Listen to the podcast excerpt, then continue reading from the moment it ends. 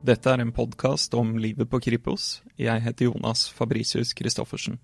I denne episoden skal vi snakke med politioverbetjent Philip Fossnes. I hverdagen jobber han som vaktleder på desken i Kripos. Men skjer det en stor ulykke eller en katastrofe med flere omkomne, rykker han ut sammen med den nasjonale ID-gruppen ved Kripos. De har bl.a. jobbet med identifisering av døde etter tsunamien i Thailand, etter terrorangrepet 22.07 og da et helikopter med 13 personer om bord styrtet ved Turøy utenfor Bergen. Du er egentlig litt konstant i beredskap. Fordi du veit at det går fra 0 til 100 på 30 sekunder. Jeg har vært heldig som har fått lov til å bidra når, når ting har vært uh, så mørkt som det har vært uh, f.eks. etter 22.07, eller at uh, den bølga kom og tok flere tusen mennesker i, i Thailand, derav 86 nordmenn.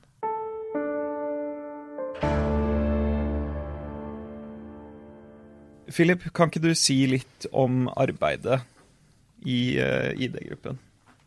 Jo, øh, ved større katastrofer, da, øh, f.eks. Øh, den som skjedde i Thailand i andre juledag 2004, så vil ID-gruppa mobilisere på alle fronter.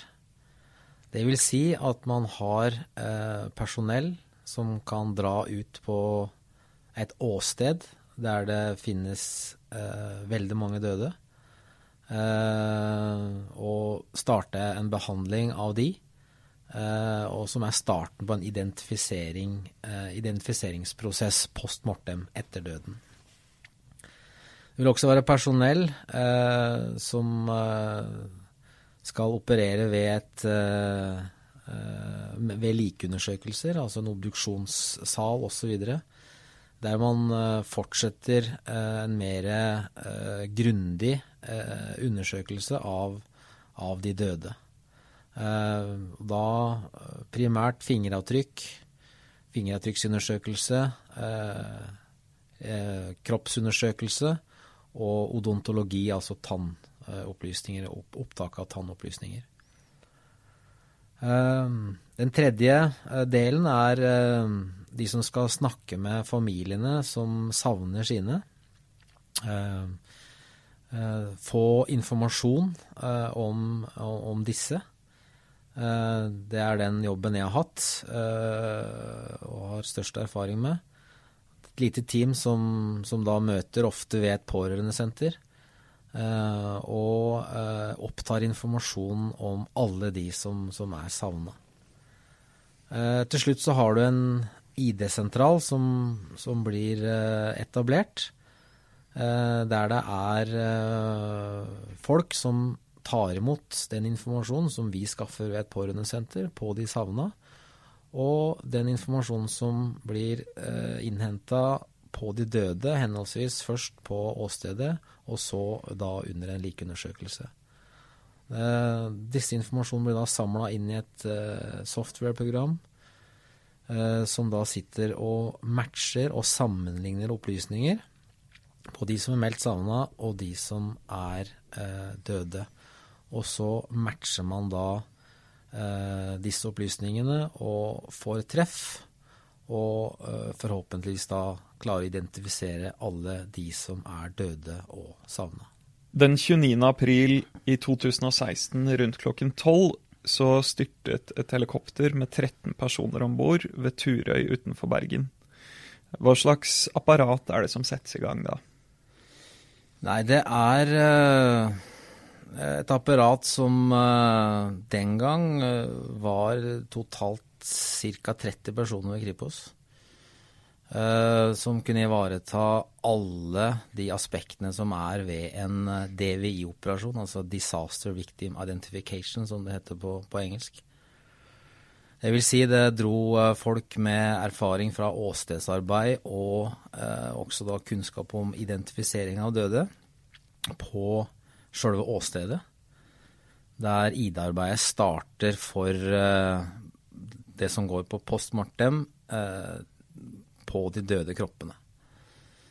Eh, den andre delen, eh, den tok kontakt eh, med pårørendesenteret på Scandic hotell i Bergen, der Både Equinor, som var ramma, og andre ulykkeseiere, kommune, lokalpoliti, hadde initiert og laga et pårørendesenter.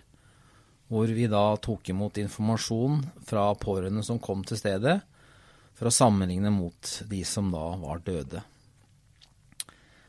Um, I tillegg så var det en liten gruppe som uh, tok uh, hold ved politistasjonen i Bergen, og lager det som uh, kalles en ID-sentral. Der man henter og tar imot informasjon fra både det som skjer ute på, på åstedet, og seinere på en obduksjonssal, og den informasjonen som vi innhenter ved et pårørendesenter på de personene som er savna. Til slutt så er det da en ID-sentral, uh, der du har uh, både rettsgenetikere, rettspatologer og uh, odontologer, samt fingeravtrykkseksperter og en ID-leder, som da godkjenner identifiseringen av hvem som er hvem, dvs. Si hvilken antemortem passer med hvilken postmortem, dvs. Si hvilken savna person passer med hvilken død person. Og, og din eh, konkrete oppgave i dette handler bl.a. om å snakke med de pårørende om den som er savnet. Ja. Eh, I de uh, erfaringene som jeg har fått, eh, som det har vært større Eller en, flere og, delvis mange omkomne, så har min rolle vært å uh, innhente den informasjonen oftest ved et pårørendesenter eller et informasjons- og støttesenter som blir oppretta ofte i forbindelse med større kriser og katastrofer. De har essensiell informasjon å dele, og de skal jo egentlig rett og slett beskrive den som er savna. Og de har også Uh, veldig mange uh, der relevant DNA, som uh, kan være en referanse mot de døde kroppene, for å skaffe en DNA-identifisering. og i det hele tatt bli ivaretatt av psykososialt Alt det de da behøver knytta til det forferdelige som har ramma deg i en sånn, en sånn situasjon. Og dette skjer jo som oftest veldig plutselig, og dere blir jo kalt ut på, på veldig kort varsel. Hvordan er forberedelsene til et sånt oppdrag? Du går egentlig litt rundt og er litt forberedt hele tida. Um, du er egentlig litt konstant i beredskap.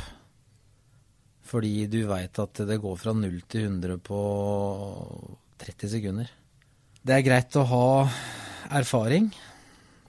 Du veit du skal inn i en situasjon der um, du må uh, kjenne på uh, eget ubehag, i den forstand at du uh, ikke Å, det var et ord jeg skulle ha tak i. Um, ja, du, må på, du, må kjenne på, din egen utilstrekkelighet. Det er en erkjennelse som jeg tror er viktig når du skal inn eh, i en situasjon der du veit det er for få hender. Og, og takle det oppi ditt eget hode at eh, det er for mange uh, i, som skal ha hjelp samtidig. og så må du prøve å gjøre det beste du kan ut ifra det. Men det er også en viktig ting å ha balanse i eget liv for å skape balanse i andres. For det skjønner du når du da kommer inn i en sånn situasjon med mennesker som er ramma etter, etter, eh, etter, en større og brå, uventa eh, hendelse. Så eh, må du ha all overskudd, all energi eh, samla som du kan da overføre til de menneskene som, som sitter der og lurer på hva var det som skjedde her. Um, jeg pleier å si at uh, i, i, de situasjonene som, som, jeg har vært med på, så møter du veldig mange mennesker. Men det viktigste møtet, det har du med deg sjøl. Det er at du hele tida uh, tenker på hvordan du framstår, at du har det rette overskuddet. Når er det du føler du må ha en liten pause? Eh, prøve å få et slags form for helikopterblikk eh, på det sjøl. Eh, det er en viktig faktor å ta med seg inn som en forberedelse til en sånn innsats. Og da er det veldig viktig å kunne jobben sin. At du veit hva en identifiseringsprosess er for noe.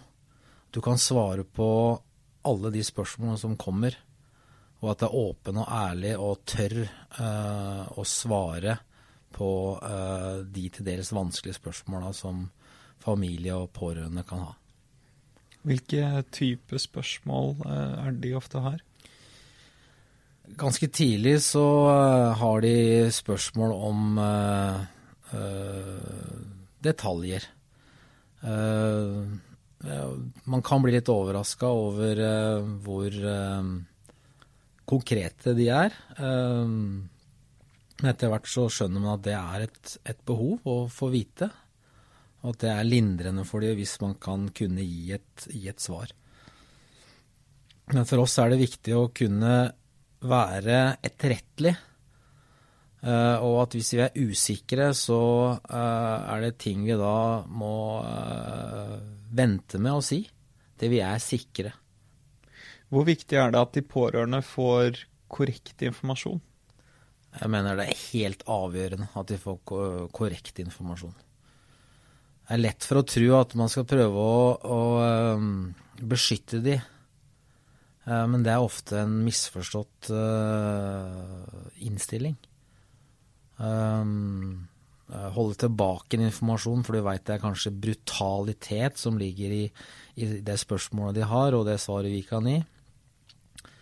Men at man, uh, man uh, driver det som jeg har lært kalles konfronterende omsorg. At man rett og slett tør å si det som det er. Så må man finne timing. Eh, når er det riktig? Hvilke ord man velger. Eh, man må se an situasjonen. Er det flere pårørende som står der eh, samtidig som en av de har spørsmål, så er det ikke sikkert at alle de andre som står rundt, ønsker det, å vite det svaret som man eventuelt har. Altså det er Man må ha en veldig um, timing og um, musikalitet i, i, i enhver situasjon man står oppi. i når det er mange som er berørte samtidig. Så det er, eh, det er, det er vanskelig i ordets rette forstand. Og det er eh, veldig mange forskjellige behov, forskjellige reaksjoner, forskjellige mennesker som er involvert. Da må man også da respektere den forskjellen. Det er utrolig viktig, en utrolig viktig innstilling vi har. Det er å respektere Eh, de ulikes, eh, ulikes behov og, og, forskjellene på menneskene. Du har jobbet med både tsunamien i Thailand, 22.07, terrorangrepet i Namenas og uh, Turøy-ulykken. Dette er jo uoversiktlige situasjoner hvor jeg vil anta at de pårørende har et enormt informasjonsbehov.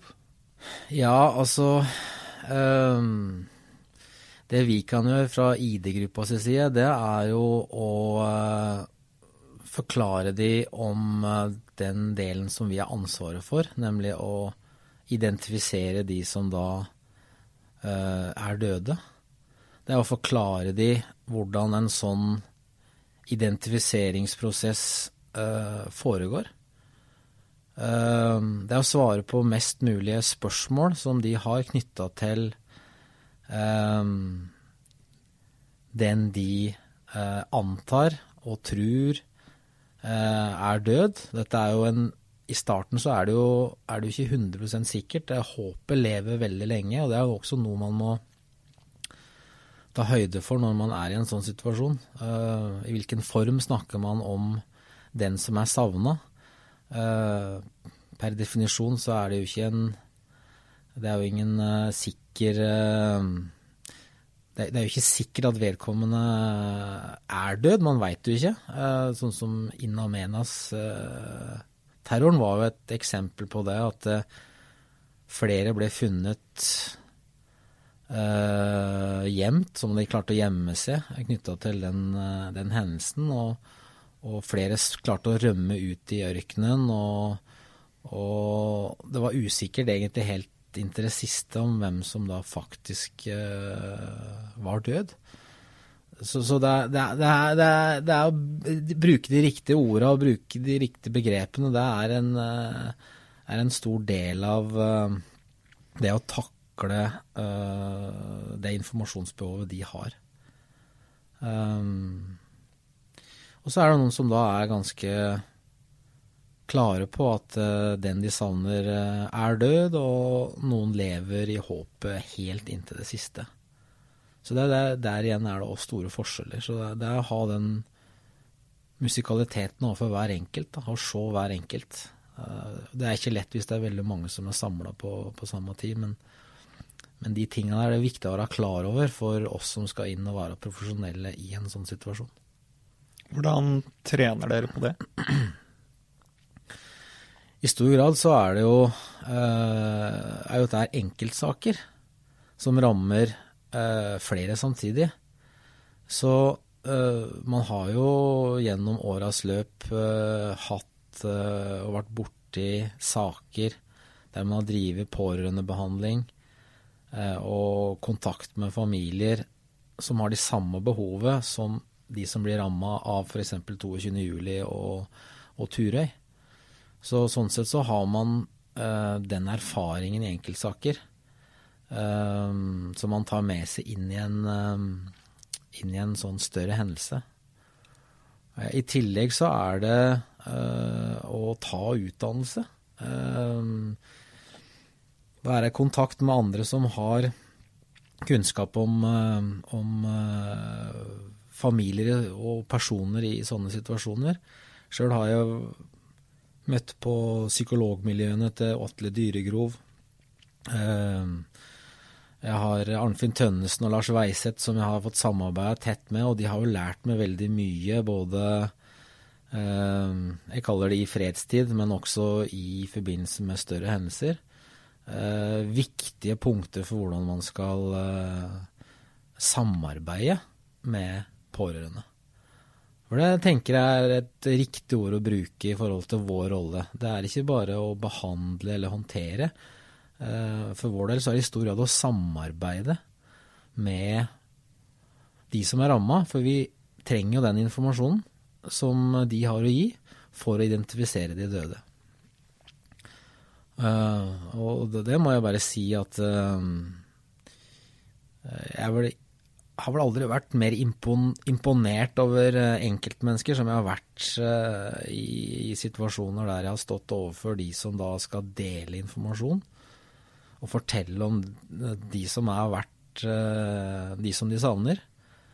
Det, det, har vært imponerende å se den styrken som de har hatt i en helt uvirkelig situasjon for de. Uh, så, så det, det, må jeg bare si at det har, det har, man får både troa på mennesket, men man blir imponert over styrken som ligger i oss. Når de, når, de, er så samarbeidsvillige og gjør alt de kan for å, for å, få et svar og hjelpe oss til å få det svaret, rett og slett. Det, det har vært veldig imponerende. Jeg har jo tatt med meg eh, et sånt AM-skjema, altså skjema som fylles ut eh, sammen med bl.a. De, de pårørende om den som er savnet. Eh, og det er jo ganske mange opplysninger eh, som kan fylles ut der, eh, alt ettersom hva som, som passer. Men fra, fra arr, tatoveringer og implantater til DNA, fingeravtrykk og tannopplysninger det er mye eh, de må huske på, eller som de blir spurt om, sånn som hva personen hadde i bagasjen eh, på reisen, f.eks. Hvordan husker de alt dette? Det er forskjell på hvordan vi mennesker husker. Eh, så det er litt forskjellig. Eh, dette er jo samtaler som vi har som ikke er avhør, som da så da gjør at vi rett og slett kan snakke med familie, flere med, familiemedier sammen. Uh, og sammen så husker de uh, forskjellige typer ting. Det viktigste er at vi klarer å få best mulig informasjon som kan fylle ut det antemortem-formularet som, som du har foran deg der. det er vel 17 sider. Det primære er jo å få DNA, odontologi, altså tannlegeopplysninger og fingeravtrykk. Eh, som er de vitenskapelige metodene for å få en sikker identifisering. Mens eh, alt det andre som rett og slett beskriver hvordan en person ser ut, eh, det kommer som sekundære identifiseringsmetoder.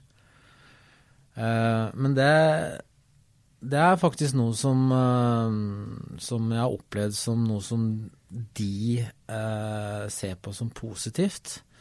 Eh, det å sitte sammen og, og eh, både huske på, på den de savner, og, og dele informasjon og eh, det, det, er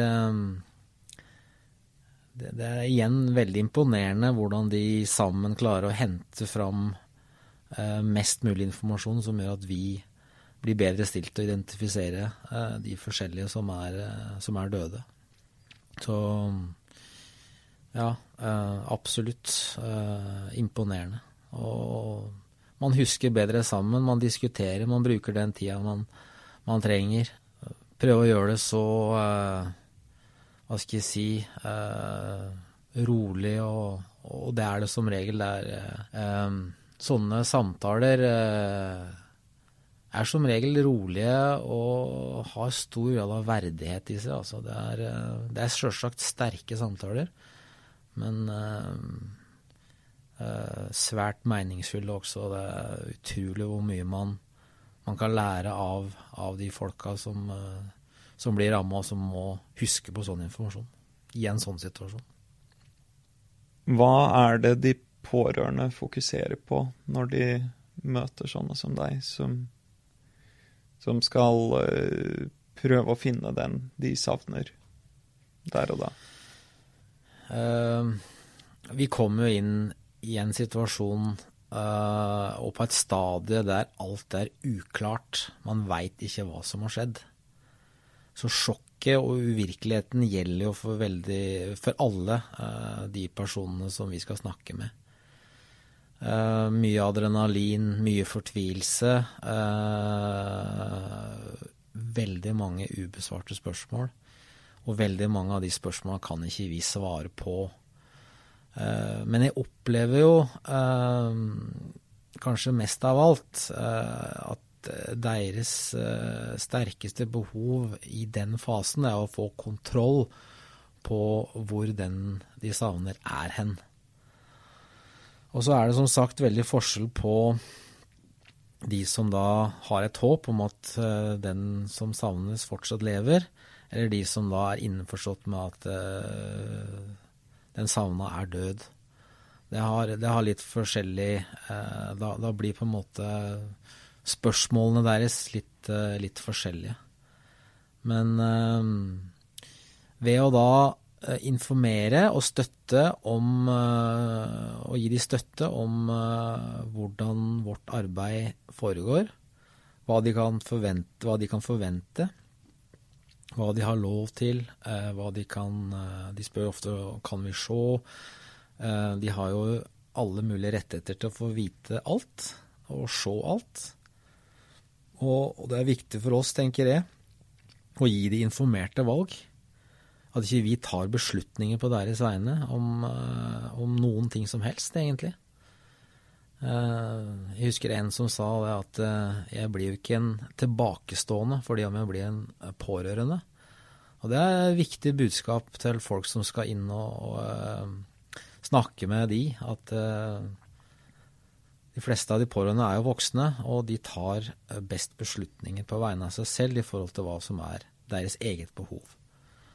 Så jeg tenker at vi gir de informerte valg, svarer på de spørsmålene vi kan svare på. Det er uh, noe av det aller, aller viktigste. Og også måten ting blir sagt på. Ehm, det å ha tanker om eh, hva som blir sagt, men også hvordan du sier ting, det er en viktig innstilling å ha for vårt arbeid når vi skal gå inn i en situasjon der det er mange som er ramma på bakgrunn av brutaliteten som, som, gjelder for den enkelte hendelse og situasjon, som 22. juli eller In Amenas. et bakteppe der som, som er grusomt, eller du har rett og slett ikke ord for å beskrive det som har skjedd. Mm. Og, og, etter den type hendelser som dette, og det, det arbeidet dere gjør, så, så, må dere jo sitte igjen med mange inntrykk. Ja, eh, det er ingen tvil om det. At eh, det blir veldig mange inntrykk. Eh, samtidig så er det sånn at det er veldig mening, en veldig meningsfull jobb når du føler at du kan bidra til noe positivt i en sånn brutal situasjon som de står overfor. Du er nesten litt sånn takknemlig for at du faktisk får lov til å bidra. Og ved å møte de menneskene uh, som da er ramma, så, så, lærer du også hva ordet perspektiv egentlig betyr. Og da skjønner du da at det, det er jo ikke vi som profesjonelle som, som har en eller annen form for belastning. Uh, hva er belastning, egentlig? Eh, når du da sammenligner det med de menneskene du sitter overfor og du skal snakke med. Eh, det er sjølsagt en krevende situasjon, eh, og det er inntrykk som du alltid vil ha med deg. Men det klarer du å håndtere, tenker jeg, hvis du da kan sette alle de tinga du har vært med på, i en boks eller i en skuff, dytte den inn og la den være der til du må eventuelt ta den ut igjen og, og, snakke om det, sånn som vi gjør nå. Eller at du skal holde en presentasjon og dele dine erfaringer gjennom åras løp. Så går det greit. Eh, og så tror jeg faktisk det at eh, man blir klokere av å få være med på eh, sånne katastrofeinnsatser som, som, som jeg har fått være med på. Du lærer ordas betydning. Du lærer f.eks. hva ordet perspektiv betyr. Og det er fint å ha med seg i livet for øvrig, når du går ut ifra den bobla, den, eh, den hendelsen da føles som at du er en del av. Så sånn sett så øh, tenker jeg det at øh, jeg har vært heldig som har fått lov til å bidra når, når ting har vært øh, så mørkt som det har vært Eh, F.eks. etter 22.07, eller eh, den bølga kom og tok flere tusen mennesker i, i Thailand, derav 86 nordmenn. Dere samarbeider jo også tett med både de nordiske landene, men også eh, andre land internasjonalt. Hva, hva, slags erfaringer er dere kan utveksle på, på dette feltet? Nei, det er eh, et veldig tett og godt samarbeid i Norden uh, generelt uh, på det arbeidet her. Uh, helt siden Thailand så jobba vi veldig, veldig tett sammen. Sånn sett så har vi årlige møter i de nordiske land. Der vi prøver å hente ut enkeltsaker, eller kanskje små hendelser, som vi kan dele med hverandre. Samtidig er det sånn at du Dette er et lite miljø. Vi kaller det jo for en slags form for DVI-familie. Det gjør jo det at uh, når Drottninggatan uh, var et faktum i Stockholm for et par-tre par, år siden, uh, og du visste og kjente godt de kollegaene som skulle håndtere det, så er det sånn at neste gang du møter dem, så skjønner du i større grad hva de har vært med på, fordi du sjøl har stått i lignende situasjoner. Og så vil de i større grad skjønne hva vi har vært med på, når de da sjøl sto med et stort fokus når den lastebilen kjørte inn i Stockholms største handlegate. Og sånn sett så uh, er vi nå da i stand til å drive uh, hva skal vi si felles bistand. Uh, hvis ting skjer i utlandet, sånn som det Boeing-flyet som styrta i Etiopia. da var det et svensk og norsk team sammen som dro ned.